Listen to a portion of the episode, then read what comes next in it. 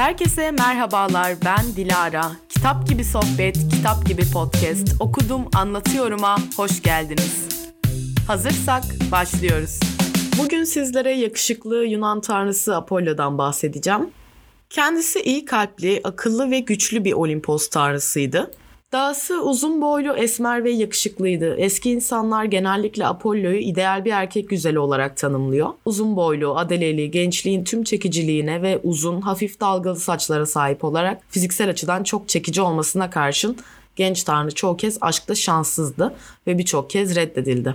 Ama endişelenmeyin çok sayıda başarılı aşk ilişkisinden de nasibini aldı. Apollo birçok alanda son derece yetenekliydi. Okçuluk, güzel sanatlar, müzik, dinsel safiyet, kehanet, tıp ve hitabet tanrısıydı. Kız kardeşinin tüm vahşi hayvanlarla bağlantısı olmasına karşın Apollo çok az sayıda hayvanı kendine dost edindi.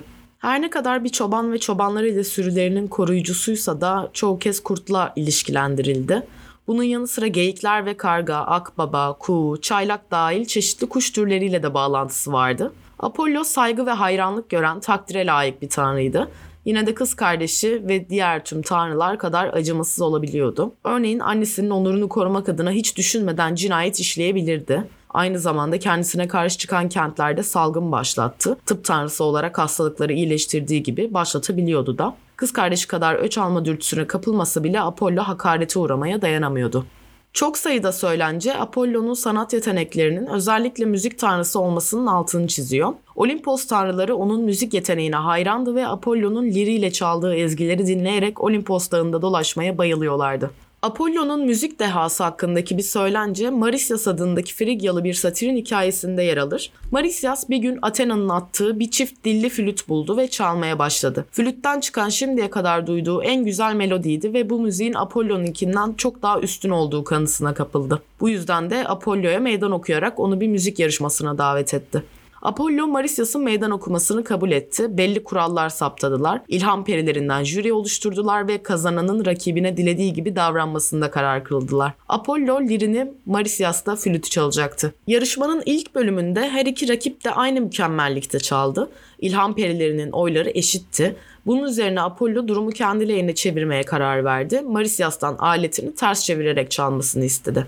Bilir böyle çalınabilirdi ama bir flütle bu olanaksızdı. Marisyas bu roundu kaybetti. Bu müzik yarışması ile ilgili farklı söylenceler var. Birinde Marisyas ilk roundu kazanıyor ve Apollo yarışı kaybetmemek için ters çevirme numarasına başvuruyor. Bir başkasındaysa Apollo lirini çalarken aynı zamanda şarkı söylüyor.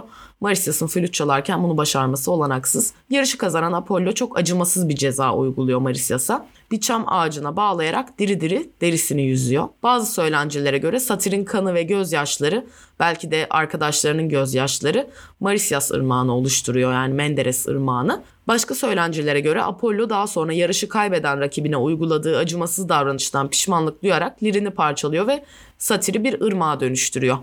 Apollo'nun en ünlü ve etkin Yunan tapınaklarından Delphi ile bağlantısı çok iyi bilinir. Bir söylenceye göre Leto, Artemis ve Apollo'ya hamileyken Hera onun peşine Piton adında bir yılan taktı. Genç Apollo Piton'u Delphi'ye kadar izleyip öldürdü.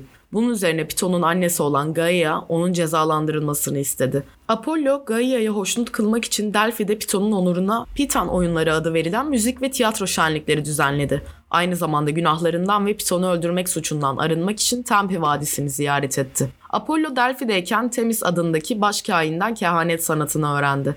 Bazı söylencelerde Apollo'nun kehaneti Pan'dan öğrendiği iddia edilir. Daha sonra kainlerin başı oldu ve kehanette bulunma hakkını Pitya adındaki bir rahibeye bahşetti. O zamanlar Delphi'de insanlar tanrılarla ilişki kurarak gelecekte yaşayacaklarını öğrenebiliyorlardı. Apollo'nun kehanetleri Pitya tarafından dile getiriliyordu. Pitya transa giriyor ve Apollo onun aracılığıyla başvuranların sorularını yanıtlıyordu. O kadar çok istek yapılıyordu ki aynı anda 3 Pitya'nın aracılığı gerekiyordu.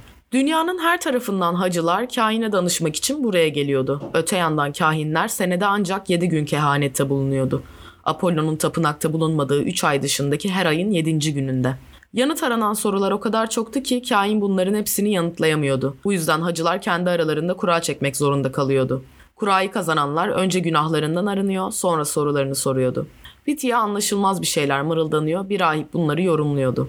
Delphi kehanet merkezi olarak yıllar boyu popülerliğini sürdürdü. Ancak milattan sonra 1. yüzyılda Hristiyanlık yaygınlaşmaya başlayınca yavaş yavaş önemini yitirdi.